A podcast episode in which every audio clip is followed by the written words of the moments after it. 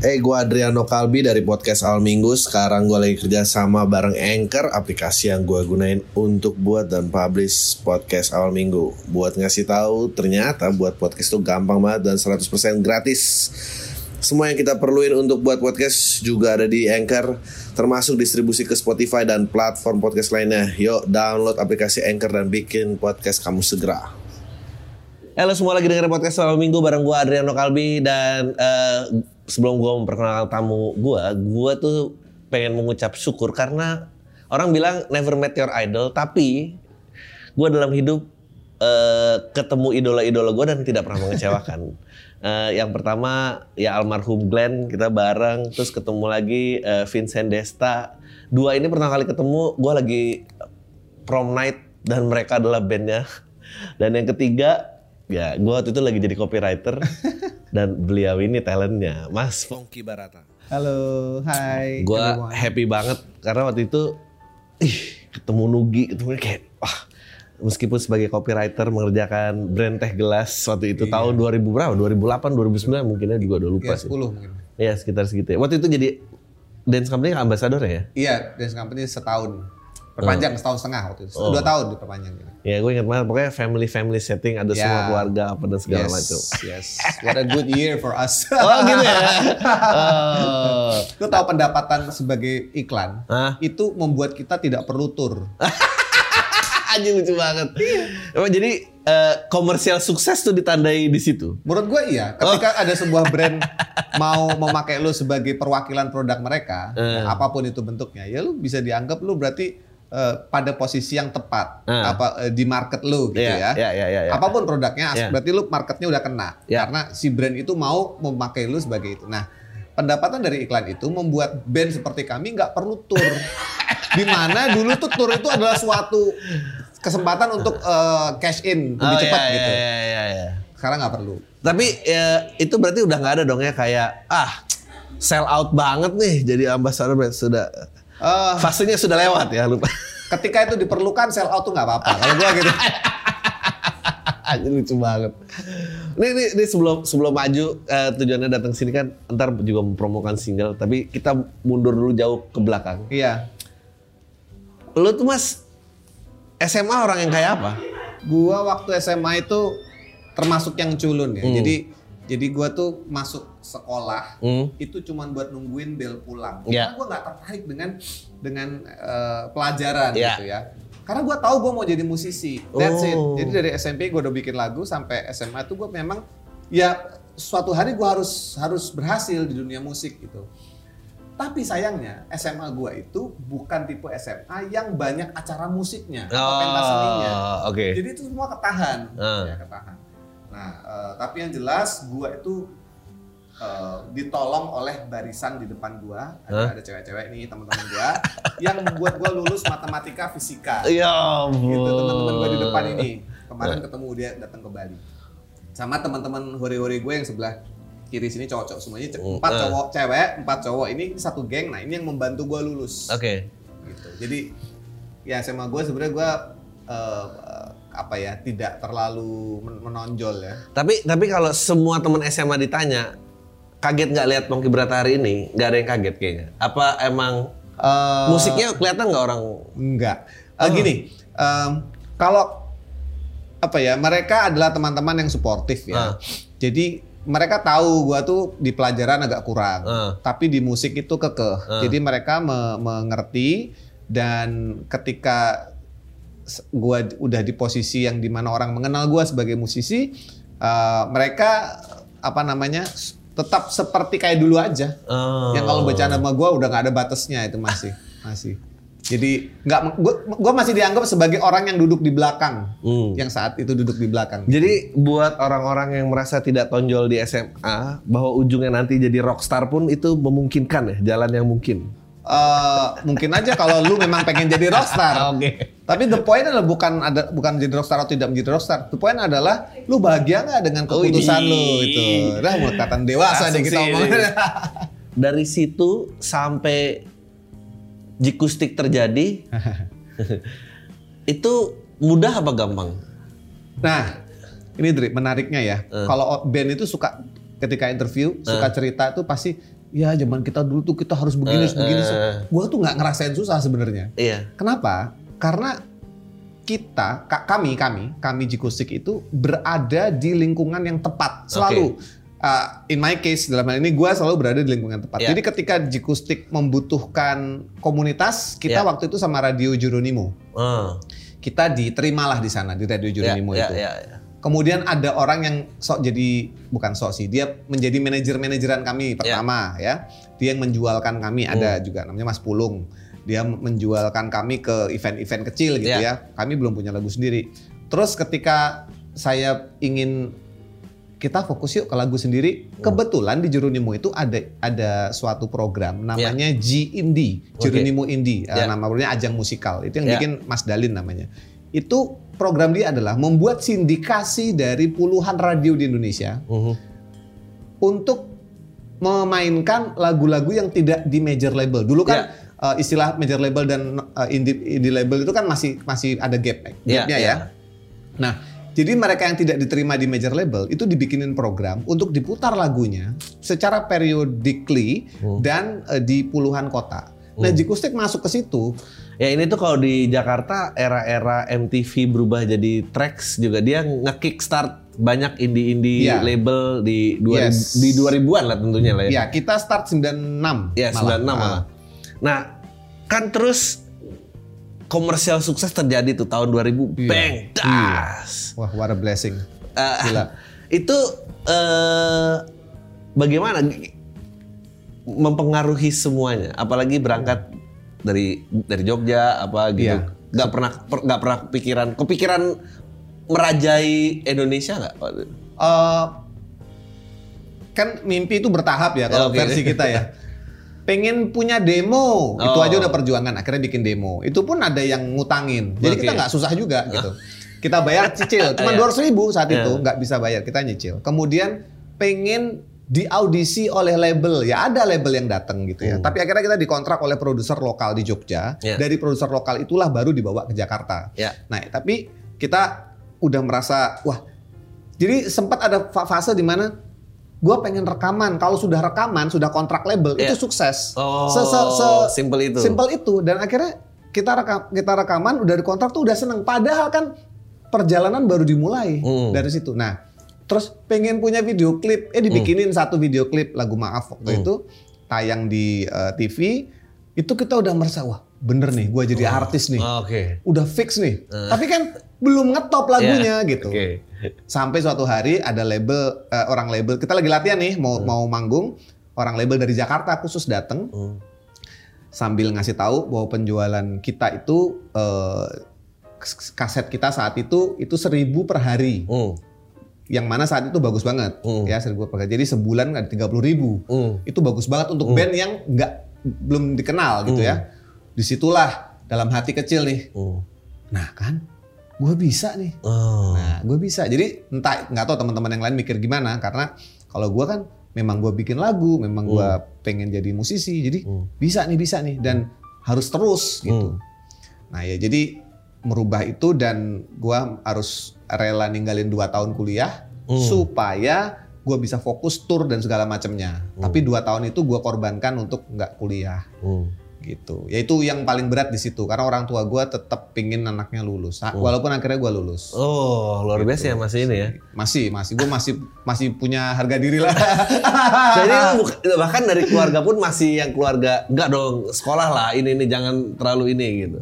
Walaupun support, Nah, tetapi komitmen bahwa gue kuliah itu harus Oke. pegang. Kan gue sendiri yang mau Iya. kuliah. Jadi gue harus selesaikan itu. Dan eh, apa? eh, tapi dukungan untuk karir gue sebagai musik itu karena mereka tidak tahu dunia Hmm. musik itu seperti apa. Ya mungkin dari jauh juga sambil mikir kali ya ini bisa nggak nih anak ntar hidup di musik gitu. kan ya gue juga sebetulnya ya penggemar akustik gitu. Jadi penasaran pengen tahu juga gitu langsung. Jadi lebih gampang menjaga kekompakan band pada saat susah apa pada saat di atas? Salah nanyanya. Gua Nah, kan gimana? gua kan keluar dari band. Ya. lo keluar dari area. Oke. Eh, eh, eh, eh, gini, eh, lebih gampang menjaga saat saat di atas, lebih gampang menjaga pada saat susah karena Hmm. kita punya tujuan sama untuk sukses. Oke. Jadi diikat sama satu tujuan yang sama. Gimana caranya sukses? Kalau susah kompak ya. Oh iya, karena pengen sukses sama-sama.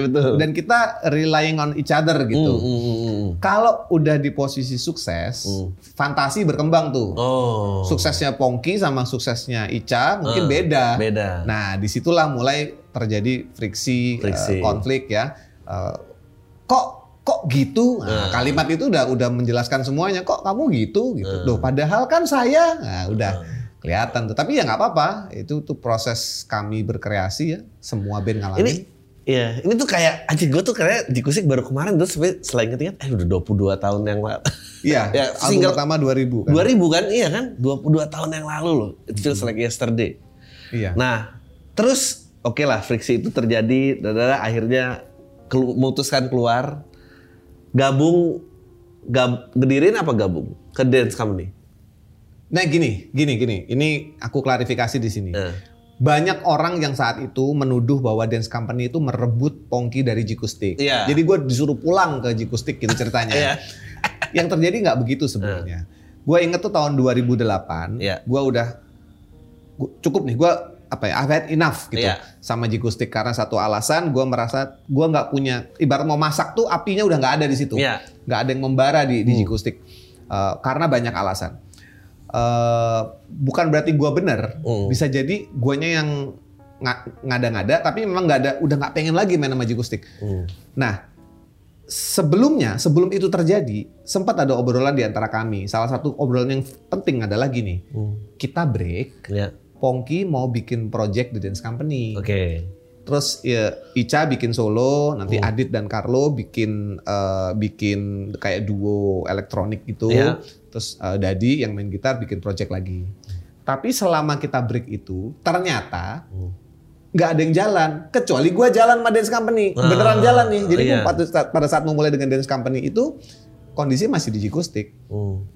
Nah, ya memang pada akhirnya kesibukan gua dengan The Dance Company itu makin bertambah Hmm. dan api gua di Jikustik makin hilang. Hmm. Jadi ya sudah eh, realitanya adalah gua harus memilih nih. Hmm. Apalagi job mulai bentrok kan, harus milih dong. Dan gua meninggalkan Jikustik yang sudah menjadi eh, steady income gua sama sekian tahun hanya untuk band yang istilahnya main-main gitu. Dan gua ambil keputusan itu karena gua merasa kalau gua terus di Jikustik, problemnya di sini. Kalau gua merasa gua terus di Jikustik, maka gua akan eh, mati. Mati dalam artian gua nggak punya karena kan dengan Jikustik itu kan banyak pagar ya Iya. banyak pagar dan itu kesepakatan bersama harus dijalankan pagar-pagar itu. Nah, gua nggak bisa tuh.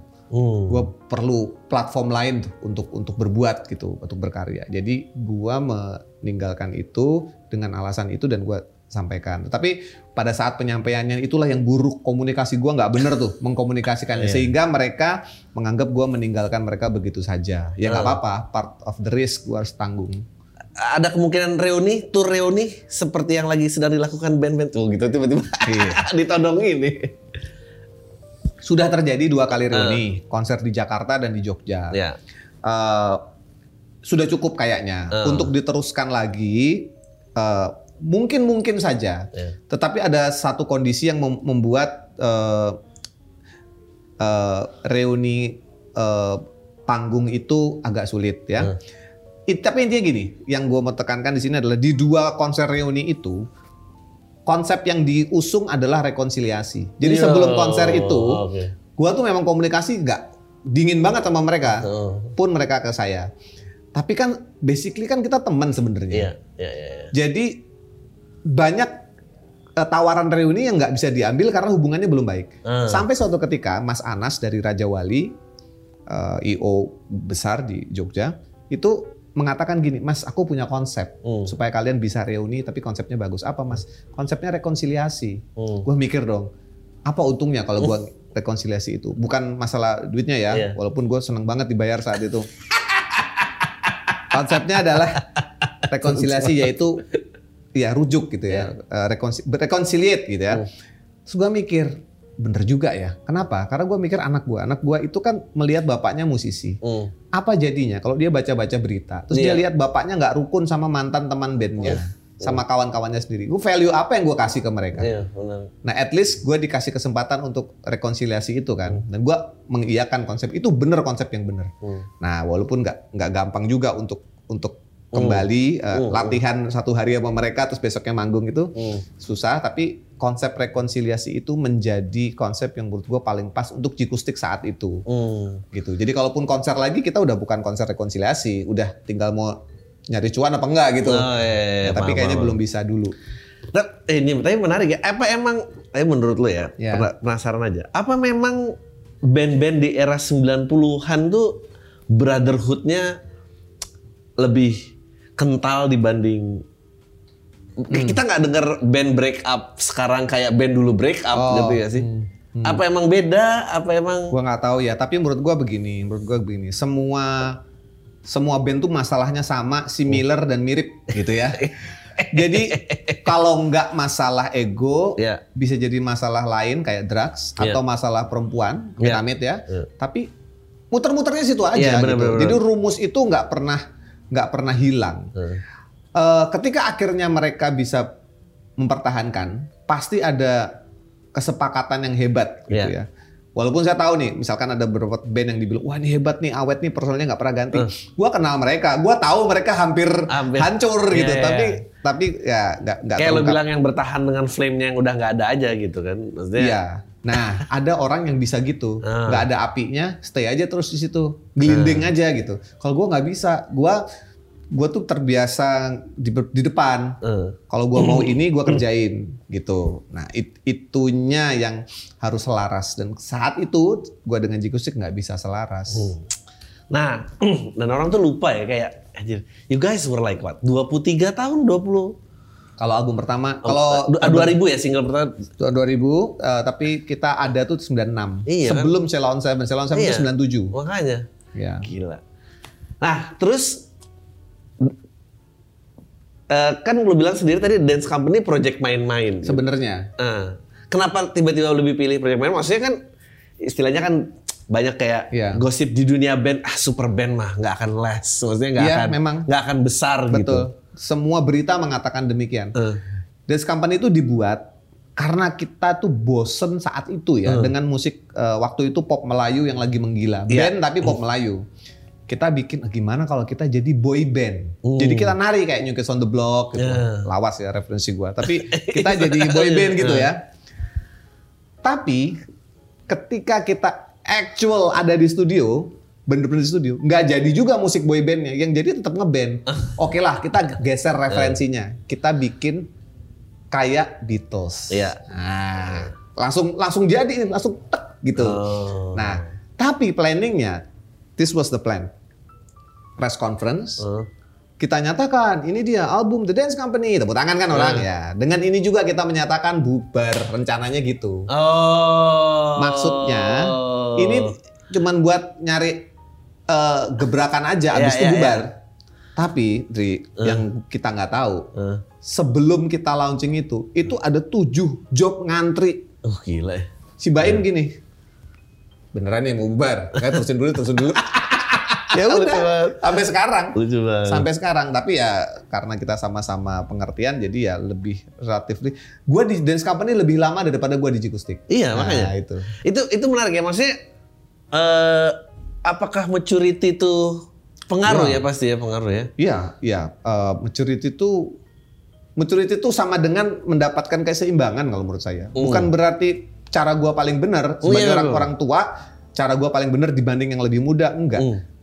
Orang yang dewasa itu adalah orang yang pandai menemukan keseimbangan kalau menurut saya gitu. Hmm. Jadi dia menemukan keseimbangan antara kapan dia play-play, main-main, Hmm. kapan dia eh, serius gitu. Nah, kalau kalau masa muda kadang-kadang kebanyakan mainnya Hmm. nggak pernah serius, tidak membuat planning, atau malah terlalu serius, nggak terus nggak main-main sehingga kehilangan funnya. Hmm. Nah, ini bukan karena band gua, tapi yang itu yang kejadian di dance company itu nemuin itu gitu, Iya, iya. nemuin keseimbangan antara kita harus serius di kala ini, tapi harus main-main di kala ini. Makanya dance company itu nggak produktif. Tetap ya, tetap bikin, tapi nggak harus bikin Iya, iya, gitu. iya, iya. Nggak harus bikin album baru tiga mau empat. Iya. Padahal 13 14 tahun usianya. Ini, ini gue ya, gue sih kayaknya kalau ngebaca lu tuh kayaknya udah banyak kebentur sama banyak hal dan menjadi Pongki hari ini kayaknya berbeda dari tahun sebelum-sebelumnya gitu.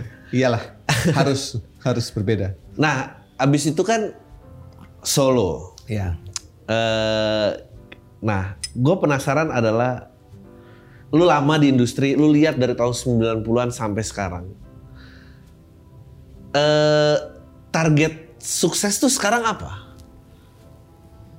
Maksudnya Wah, kan iya. maksudnya gini, kan ya gue partner sama Patrick. Patrick pun tahu, oh ya teen market tuh tuh selalu eh, menjadi yang paling pengen banyak dicaplok lah. Mau Iya. film, mau komedi, mau musik, you name it lah. Iya. And then you pass a certain age kan nggak bisa terus ditarik Iya, iya, mundur, iya. ditarik mundur berpura-pura bahwa oh itu masih jadi concern kita apa Iya, tersiksa iya, sendiri iya. kan. Makanya dance company itu menarik karena dia mature, yet tapi acceptance-nya ada. Hmm. Nah sekarang lu di fase yang lebih mature lagi.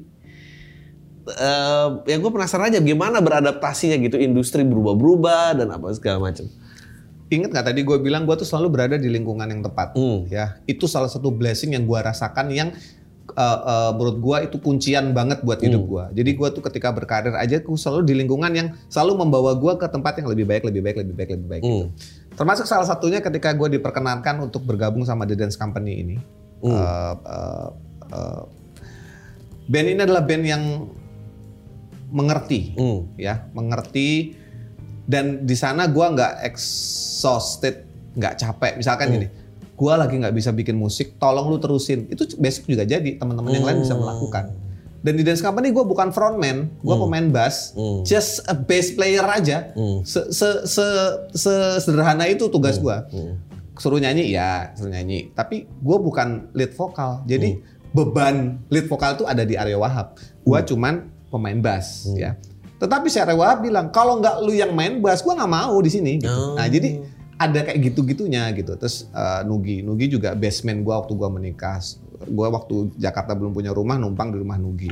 Baim tuh Sohipan Mario. Jadi semua tuh kayak align together very well gitu. Hmm. Uh, jadi lingkungan itu tuh membuat kita itu bertumbuh terus Hmm. gitu. Nah masalah dewasa, iya dance company itu band dewasa, itu bedanya. Makanya nggak nggak punya kompetitor menurut gua. Iya. Dance company itu nggak punya kompetitor. Yang format band ya. Iya. Kalau di format market mungkin kita sering di, dibandingin misalkan dengan project pop Iya, ya, iya. Uh, mar- family, family market gitu ya, atau band uh, band yang. Tapi kalau untuk band kayaknya kita nggak punya kompetitor karena kita ngerok banget juga enggak. Hmm. Terus ada lawaknya dikit kalau manggung gitu. Terus Eh, gue Adriano Kalbi dari podcast Al Minggu. Sekarang gue lagi kerja sama bareng Anchor, aplikasi yang gue gunain untuk buat dan publish podcast Al Minggu. Buat ngasih tahu, ternyata buat podcast itu gampang banget dan 100% gratis. Semua yang kita perluin untuk buat podcast juga ada di Anchor, termasuk distribusi ke Spotify dan platform podcast lainnya. Yuk, download aplikasi Anchor dan bikin podcast kamu segera. ngelihat dari iklan-iklan yang kita dapat juga eh, marketnya ke situ. Jadi kita kayak nggak punya. Jadi ibarat kata gini, Iya. Papa Rock and Roll tuh hits tahun 2010. Hmm. Sampai sekarang kita masih manggung lagu dengan format yang nggak jauh beda. Hmm. Artinya kan ya udah kekunci aja di di situ dan kita harus mensyukuri Hmm. punya anthem itu Ya. iya walaupun cuma satu misalkan. Agree, ya. agree. Iya, punya anthem itu nggak semua orang bisa. Jadi Hmm. kita syukuri. Nah, di situlah gue bilang tadi gue selalu ada di lingkungan yang tepat. Nah Hmm. itu salah satu blessing gue yang gue nggak bisa jelasin juga.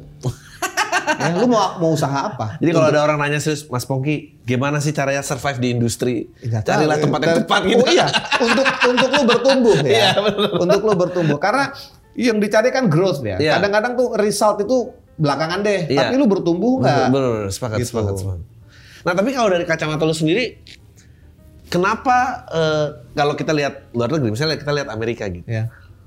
Eh musisi-musisi yang jadi idola gue ya dan dan dan menurut gue paling bahagia juga karyanya tuh tumbuh selaras sama kedewasaannya. Iya. Topiknya misalnya eh, Eric Clapton dulu ya dia nyanyi kokin ya dia nyanyi kokin gitu.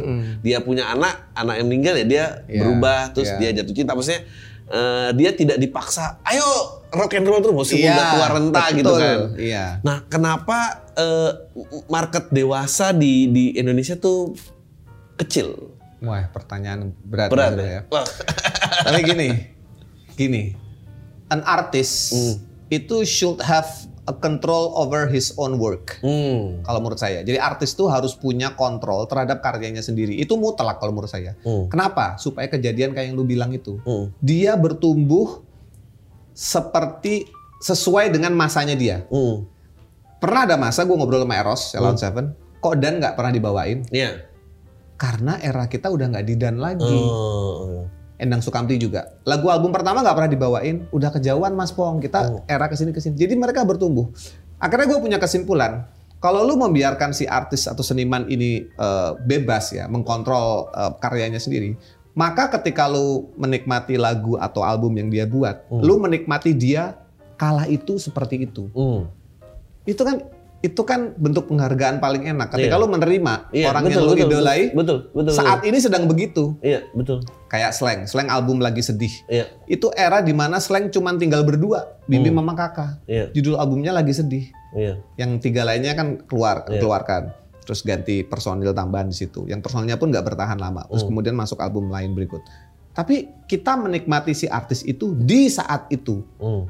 Nah, inilah kebahagiaan musisi sebenarnya diterima sesuai masanya dan nggak harus Iya. kayak Eric Clapton nggak nggak terus bikin apa Tears in Heaven lima Iya. kali kan? Iya. Ya udah. Iya, iya. Kalaupun dia harus bawain, dia bawain. Iya.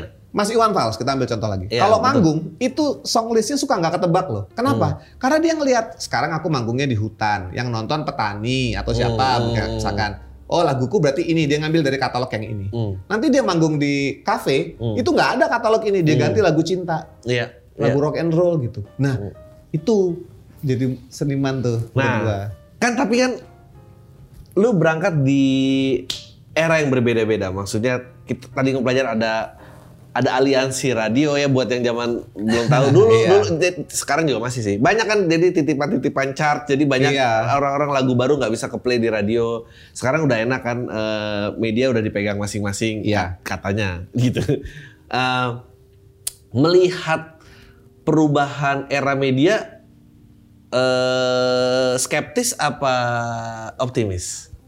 Ini gua harus hati-hati jawabnya karena I love media. Karena Iya. media itu menjadi kaki tangan gua Iya. untuk menyampaikan karya gua. Betul. But seperti halnya lu mempunyai teman dekat, Iya. ada hal yang lu nggak suka dari teman itu, tapi you stick with them Iya. anyway gitu. Iya. Nah, media-media besar itu punya kecenderungan lengah Hmm. terhadap eh, eh, pemberontak-pemberontak kecil, ya. Maksudnya gimana tuh? Media besar itu kan seperti merasa, contoh kita ambil contoh media televisi. Ya. Semua iklan masuknya ke TV dulu. Iya. Jadi if you uh, appear on a television show, kalau kamu muncul di TV show, Hmm. kamu udah dapat exposure yang gila-gilaan, Hmm. ya. Uh, uh, dan makanya iklan ke sana semua. Hmm. Uh, apa market share itu banyak di spend ke sana. Hmm. Nah, sekarang orang bisa memilih Hmm. untuk bahkan untuk bahkan tidak menonton televisi, tapi Ya. tetap tahu keadaan dunia, Ya. tetap terhibur. Hmm. Kalau dulu lu mau terhibur yang komplit ya nonton TV Ya. atau lu main bekel sama temen lo. Ya. Kalau sekarang, gua bahkan punya pilihan sudah terjadi di rumah gua untuk tidak menonton TV. Hmm. Nah, apakah berarti TV-nya eh, eh, salah? Ini bukan masalah salah atau benar. Ini masalah lu adaptasi sama keadaan. Ya. Nah, si pemberontak-pemberontak kecil ini kan karena dia nggak punya kapital besar. Hmm. Kalian ini pemberontak kecil kalau menurut gua. Iya. Yang bisa menjadi besar, ya, gua nggak tahu sebesar apa kalian sendiri yang eh, menjalani. Memberontak dari sistem yang sudah terlalu gede, terlalu baku, terlalu eh, monopoli. Hmm. Tantangannya, kalau lu pemberontaknya nggak menarik, pemberontakan lu nggak menarik, ya nggak ada yang nonton juga. Iya betul. Jadi yang diadu akhirnya kreativitas. Hmm. Dari se- 100 pemberontak kecil ini semua beradu kreativitas, nggak beradu modal loh, Hmm. Betul. ya. Tapi kalau yang udah gede, biasanya modal dulu. Betul. Ya siapa yang mau muncul di TV Iya. eh, apa tanpa eh, payment yang cukup misalnya untuk beberapa artis. Tapi untuk pemberontak-pemberontak kecil ini beberapa artis yang namanya udah besar, dia mau support Hmm. karena dia tahu value-nya si yang ngajak ini, si pemerintah kecil ini sesuai selaras sama value dia. Nah, jadi maksud gua suka lengah tuh di situ. Hmm. Mereka nggak memperhatikan kenyamanan si seniman, Ya. Positioning si seniman, message yang seniman ingin sampaikan. Itu Ya. kan suka kabur karena kepentingan kreatif Betul. dari Medianya. medianya. Hmm. Nah ini itu yang membuat gua ah, terus Iya. terang nih hari gua harusnya ada di TV. Hmm. Gua nggak gua nggak mau karena acaranya membuat gua jadi tampak bodoh di situ. Oh. Dan itu nggak bisa rerun. Iya. Kalau ini kan gua tinggal kasih link. Iya. Benar benar. Hari ini ada, ada itu ada satu TV ya gua terpaksa tolak karena isinya nggak akan bisa gua buat untuk ngomong dalam gini. Udah Iya. pasti kena cut Iya. gitu. Tapi jadi era sekarang menurut lo lebih fair for the creator apa? Iya. Oh lebih fair. Iya. Eh. Ada kok orang kreator yang dari rumahnya lebih kaya daripada pegawai TV kan? Iya. Ada dan dan pertumbuhannya itu loh gila gitu loh. Pertumbuhannya gila dan ini kan apa ya? Apa ya? eh, eh, api api dalam sekam gitu. Tinggal dikasih dana dikit Iya. gitu ya, dia akan menyala dan ketika dia menyala dia bermanfaat. Nah, masalahnya begitu dia udah besar mengulangi kesalahan yang sama nggak? Enggak, iya. Nah, Oh, mau, iya, mau di level yang sana. sama, Iya, iya. iya. Jadi ketika lu besar itulah lu punya masalah. Iya, Kalau iya, lu iya. punya lu kecil ya lu mati hidup nggak nggak masalah. Hmm, hmm. Tapi lu sendiri ngelihat eh, semua pembaruan, maksudnya sosial media terus mengganti.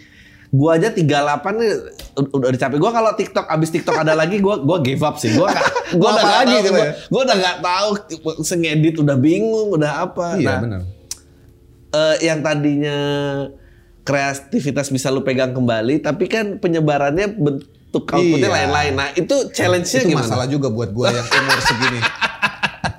Waktu gua sama Multimas Hmm. Production eh, partner gua untuk album gue yang baru ini, Eh, dia tanya mau promo kayak apa gitu. Iya. Gue bilang aku mau yang standar-standar seperti biasa. hmm. Tapi kita breakthrough lagi deh. Yang tidak standar pun harus kita jalanin. Nah, kita brainstorming tuh dengan tim eh, eh, model promo yang kayak apa. Muncul banyak ide-ide gila. yang bahkan bukan saya yang mikir dari dari tim Multimas mikirin gini. Nah, salah satu yang mereka akomodir untuk saya adalah aku pengen keliling ke teman-teman yang punya podcast. Hmm. Kenapa Mas Pong? Karena kita ini sekarang jualan musiknya di digital. Hmm. Berarti si Pongki ini harus muncul di digital. Iya. Jangan hilang Ya. gitu. Karena gue yakin penonton TV belum tentu connect ke digitalnya gue. Nah, Ya, album gue kan di streaming. Iya. Ya berarti gue harus sekitar-sekitar situlah deket-deket situ. Hmm. Jadi eh, gue harus mendekat- mendekatkan diri ke teman-teman yang podcast yang tadinya hmm. itu jadi teman gue buat nyetrika Hmm. sambil jemur baju gue dengerin podcast gitu Hmm. dengan teman-teman semua Eh, tim dari sini juga tapi akhirnya kayaknya gue harus ke sana gue harus ketemu supaya gue eksis di digital lagi Hmm. baru itu bisa ngebus karya gue yang baru Nah, oke, sekarang kembali ke single baru yang mau dipromokan. Gua sih bisa dengar, gue happy banget. gue mulai dari mana ya? Bentar, gue rangkai dulu nih. Eh, gini, aku peluk kamu nih, gue bisa denger Ya.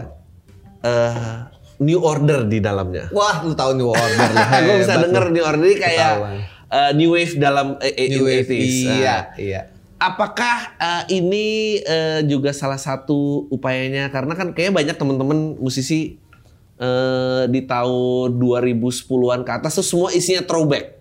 Tinggal lu pilih deh lu mau throwback apa Bener ya juga, kan? bener juga, Iya kan? iya. Mau dari Leave the Door Open, lu mau the 60s, 70s, Iya, yes. eh, 80s disco, 80s ada, iya. 80s new wave. eh, apakah ini secara sadar? Apa emang memang dari dulu menyukai ini order? Apakah bagaimana? masa kecil gue itu Jason Donovan sama Rick Astley itu masa kecil gue Oke. posternya gue punya tuh gue simpen dan gue sangat mengemari mereka sampai sekarang jadi Hmm. ketika mereka masih rilis album gue ikutin nah Wow. Oke, terus masih masih masih CD ya CD-nya gue Hmm. beli dari dari luar negeri karena udah nggak ada lagi nah anyway aku peluk kamu itu adalah salah satu itu tadi cara gue menjaga api gue supaya Oh, gue oke. kreatif gitu karena album-album sebelumnya gue pakai pola yang standar aja main gitar musik Hmm. pop rock kayak Brand Adams gitu gue bikin kayak gitu atau gue main gitar sendiri ballad gitu loh Hmm, kayak lu kalau gini terus yang lu gembar-gemborkan menjaga api itu akan hilang lo nanti. Oh, oke. Jadi harus ada sesuatu yang bikin bahan, at least bahan buat diomongin kalau lagi di interview kayak gini. at least itu. Iya kan? Kalau nggak orang mau ngomongin apa? Oh, Pongki bikin lagu bagus. Emang iya. Eh, Laku belum tentu. Tapi Oke. gue bikin lagu pasti bagus. Oke. Terus apa? Pongki main gitar, eh, semua orang juga tahu. Gitu. Iya. Terus apa lagi gitu? Iya. Nah, harus ada uh, uh, angle tertentu. Akhirnya Hmm. gue suka 80. Akhirnya gue ketemu sama produser namanya Tommy Widodo, teman gue lama. Gue Hmm. ajak dia untuk diskusi. Dia bilang, oke, tapi harus uh, out of the box. Gimana tuh Tom? Gak usah main gitar sama sekali. Hmm. Sepanjang lu berkarir lu pasti ada main gitar. Di sini nol, oke? Kita synthesizer. Nah, Wah. begitu kata synthesizer inilah langsung terpicu. Oke, kita mau ngambil Hmm. apa nih? 80-an. Oke, 80 90. Pertanyaannya, kata Tommy, yang lu maksud 80-an itu sama nggak dengan yang gua maksud 80-an? betul. Nah, belum tentu sama loh, Pong. Akhirnya akhirnya ketemulah satu formasi apa aku bilang nih ya dengerin Rick Astley yang kayak gini gua mau gitu. Hmm. Oh, agak beda tapi nggak apa, kita bikin kayak gitu. Akhirnya kebentuklah lagu eh, salah satunya lagu peluk kamu itu. Nah, eh, yang jadi masalah berikutnya adalah si Tommy nanya, ini mau terdengar seperti kamu nyetel kaset di tahun 80-an, Mhm. seoriginal itu, Hmm. atau hanya vibe-nya 80s, tapi soundnya sekarang. Hmm. Terus gue mikir, oh gue pengen kayak The Weeknd sebenarnya. Hmm. Eh, eh, dia punya sound itu didengar untuk sekarang. Iya. Tetapi vibe-nya, Ya. penggunaan instrumennya itu tahun 80 sebenarnya. Hmm. Kalau anak sekarang nggak tahu, dia tahu nggak itu tahun 80 itu Ya. sudah ada sebenarnya. Nah, gua mau pendekatan ke situ. Nah, barulah ketemu. Jadi aku peluk kamu itu memang mengambil eh, angle itu dan nanti itu malah ada 8 lagu dari album pop yang isinya begitu full. Jadi di 8 lagu itu full album gua nggak main gitar sama sekali Hmm. gue didirect oleh si Tommy itu untuk detail synthesizer-nya gue nyanyi bahkan nyanyi gue pun gue rubah gue misalkan contoh gue bisa nyanyi lebih tinggi tapi kata Tommy nggak usah di situ aja biar nyanyi lu nggak sama nggak terlalu ke rock Oh. begitu tinggi kan gue kelihatan rocknya Hmm. dikurangin nah jadi sampai itu dipikirin nah problemnya berikutnya adalah ini kalau gue kerjain sendiri tanpa tim kreatif maka cuman jadi barang ya selewat doang harus ada tim yang mikirin akhirnya gue ketemulah partner Multimas Production itu yang akan membantu gue mewujudkan step-step untuk lagu ini bisa eh, album ini nanti bisa bertumbuh gitu Nah, balik lagi. Lu tuh sebetulnya kalau ditanya eh, singer apa songwriter? Gua songwriter sebenarnya. Songwriter by default ya. iya by default songwriter kenapa gue nyanyi karena nggak ada yang mau nyanyi lagu gue dulu that's why I lucu became a singer Lu coba. Jadi kalau gue suruh milih, gue pengen bikin lagu aja di rumah gitu. Ah. Cuman ya my entertainer side itu masih masih teriak lah gitu. Ah. Oh gue bisa nyanyi gitu. Ya, ya, ya. gue juga agak terganggu sih. Gue tuh waktu jadi copywriter gue nyaman di di belakang kamera. Sebetulnya di depan kamera tuh ini kalau nggak gara-gara stand up, stand gue bener-bener suka stand up. Iya, stand up. Dan semuanya dilakukan karena paling nggak kalau ini mau bikin show ada orang yang mau datang udah itu doang. Kalau nggak perlu ngelakuin ini, gue maunya itu aja sebetulnya. Tapi nggak bisa gitu kan. Nah, iya betul. menciptakan lagu pada saat muda dan sekarang eh, masih sama nggak eh, istilahnya ket- ketulusannya? Apa mungkin misalnya gini?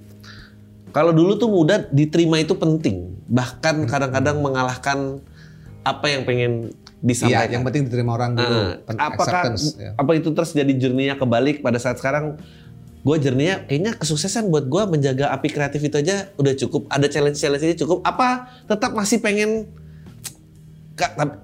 ada diterimanya karena gue sih percayanya nggak ada seni yang nggak mau dirayakan nggak mungkin lah sedih pasti Iya, kalau bener. bikin sesuatu terus Iya. tiba-tiba gak ada Pengakuan tetap perlu. iya Iya. oke Iya. Iya benar. Eh, eh, ketika lu jadi seniman, Hmm. syarat nomor satu adalah lu diakui sebagai seniman. Kalau nggak lu jadi orang gila. iya dong. benar Nah, benar benar benar benar Next. Ketika lu diakui sebagai seniman, produk lu apa? iya Nah, oke. produk gua lagu, produk lain pelukis apa segala macam. Nah, tapi ketika gue jadi seniman, nomor satu pengakuan, nomor dua ini baru sisi lainnya.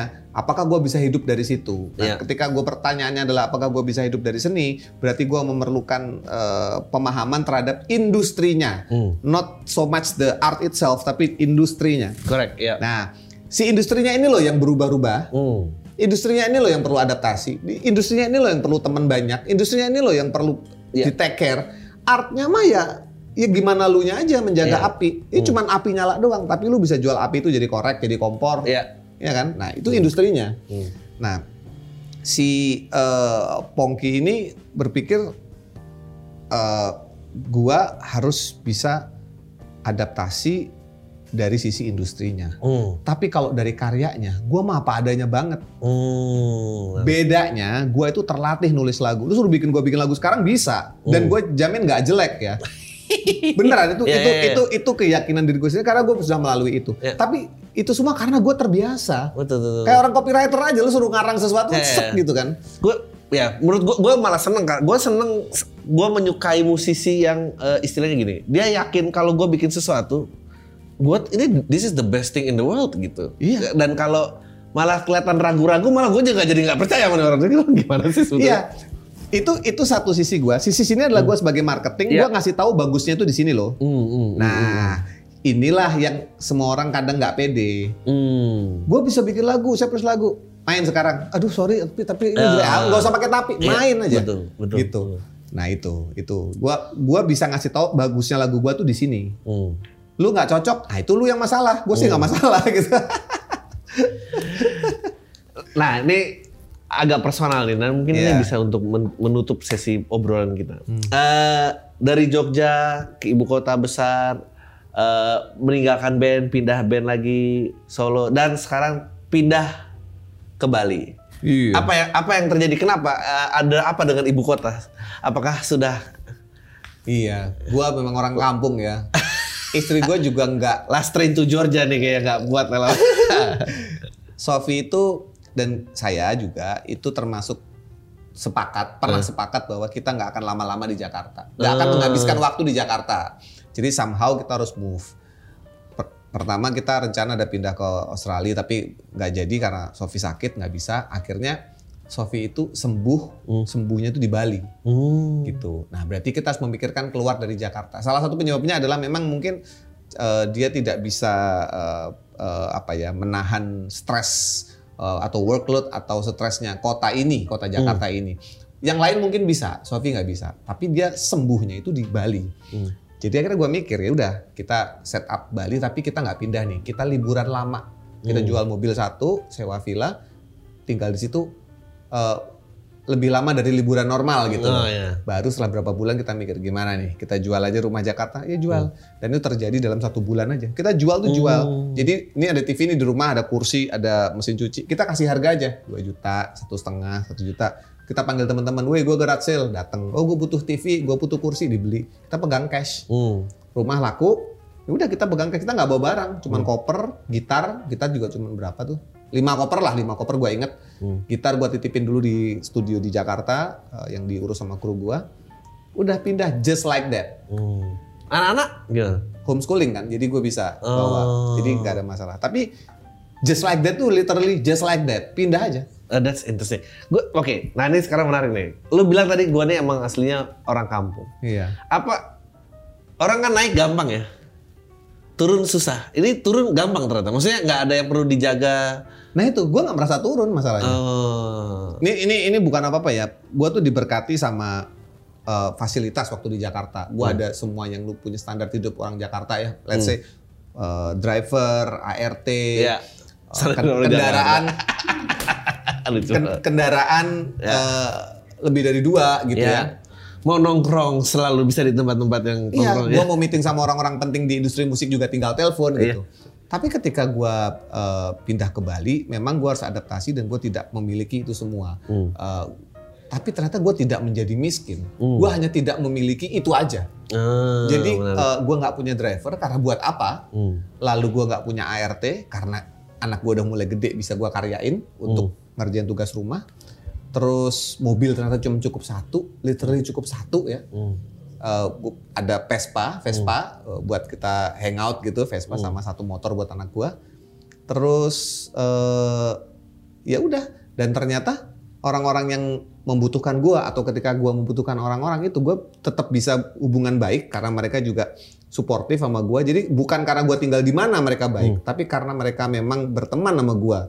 Jadi di mana pun gua tinggal mereka akan support. Nah, yang terjadi tapi Dri adalah gua seperti menyaring job-job gue tuh jadi tersaring gitu. Hmm. Yang serius, yang bener-bener itu akhirnya yang mau membayarin tiket akomodasi dan transport. Kalau dia cuman eh, budget mepet atau nggak mau bayarin itu, ya nggak nggak deal. Gitu. Iya. Jadi akhirnya tersaring itu job-jobnya. Dan gue nggak merasa itu eh, low ya. Gue Iya. merasa bahwa gue akhirnya bisa bisa eh, menjadi opsi yang bener-bener diinginkan berarti. Iya, iya. Kalau sampai lu bayarin gue ke Jakarta atau ke kota mana, berarti gue memang diinginkan, which is good. Good. Oke, gue tadi bilang terakhir tapi gue main terakhir Nggak terakhir. apa apa. Jadi gini, gue percaya eh, karya itu adalah reflex of the society. Jadi biasanya kayak di Amerika banyak hancur dan segala macam, orang jadi makin berkarya. Makanya di negara-negara yang pesmakmuran dan pajaknya udah tinggi, karya malah minim kan karena keresahan si artisnya Oh. tergerus. Iya. Nah, lu nih pindah ke Bali, apakah keamanan dan kenyamanan itu akan mengancam api berkaryanya? Enggak, enggak. Oh. Gue udah bisa pisahin. Oh, ini menarik. Kehadiran gue sebagai bapak dan suami yang Hmm. memberikan wajib memberikan kenyamanan terhadap eh, keluarganya, Hmm. itu agak berbeda dengan gue sebagai seniman, Hmm. walaupun itu saudara kembar ya. Ya. Gue sebagai seniman mempunyai kebebasan berkarya karena gue nggak terikat label. Hmm. Gue punya partner sekarang eh, PT Multimas itu, tapi dia tidak sama sekali menyentuh ke sisi kreatif gue. Hmm. Nah, tapi mereka partner bicara yang baik. Eh, sisi seniman gue terjaga, api gue tetap ada. Tapi sebagai orang tua, sebagai suami dan ayah, justru gue memberikan eh, eh, apa kehidupan yang menurut keluarga kami pas buat keluarga kami, Hmm. yaitu tinggal di dekat pantai. Tidak perlu, tidak mengajarkan kemewahan lagi. Dulu gue punya mobil tiga tuh sampai parkir di tetangga. Buat apa coba? Ah, lucu gitu banget. buat Ya, apa benar, gitu. benar, benar. Buat gua nggak masuk. Ya. Terus gua homeschoolingin anak gua, Hmm. gua ngajarin juga. Jadi eh, eh, semua value-value itu memungkinkan dan cocok buat gua ketika gua di Bali. Hmm. Jadi kenyamanan itu tetap ada di mereka gitu. Tapi sisi gua sebagai malah kayaknya gua produktif banget di Bali gitu untuk masalah eh, seni ya. Menarik banget. Gua gua somehow kayak ya merasa Gue kira gua doang yang gila mikir gini, oh ternyata ada juga perwujudannya. Mas Ogi, thank you banget obrolan-obrolannya. gue sih secara official bisa bilang nggak ketemu idola nggak selalu selamanya mengecewakan karena ternyata yang ini gue udah tebak pembicaraan akan lebih dari sekedar lagu. karena karena gini lagu yang aku peluk kamu itu itu sebenarnya sudah ada ketika gue masih di Jakarta tetapi nggak pernah selesai sampai gue di Bali jadi tadinya lagunya bahasa Inggris gitu ya cuman eh eh, na na na na gitu tapi nggak pernah mood untuk selesaiin karena ya nggak tahu kenapa ya belum waktunya lahir gitu tapi pas di Bali gue malah nemu eh, Bila rindu tiba gunda dan bulana sepimu melanda aku akan peluk kamu gitu malah dapat sesuatu yang pas gitu Pas. ketika gua di Bali justru Lucu ya? gitu. iya perlu lahir dulu Perlu lahir. ah. ya udah. Thank you banget mas obrolan-obrolannya. sama-sama Adri Iya, dari tadi dari gue. Ah.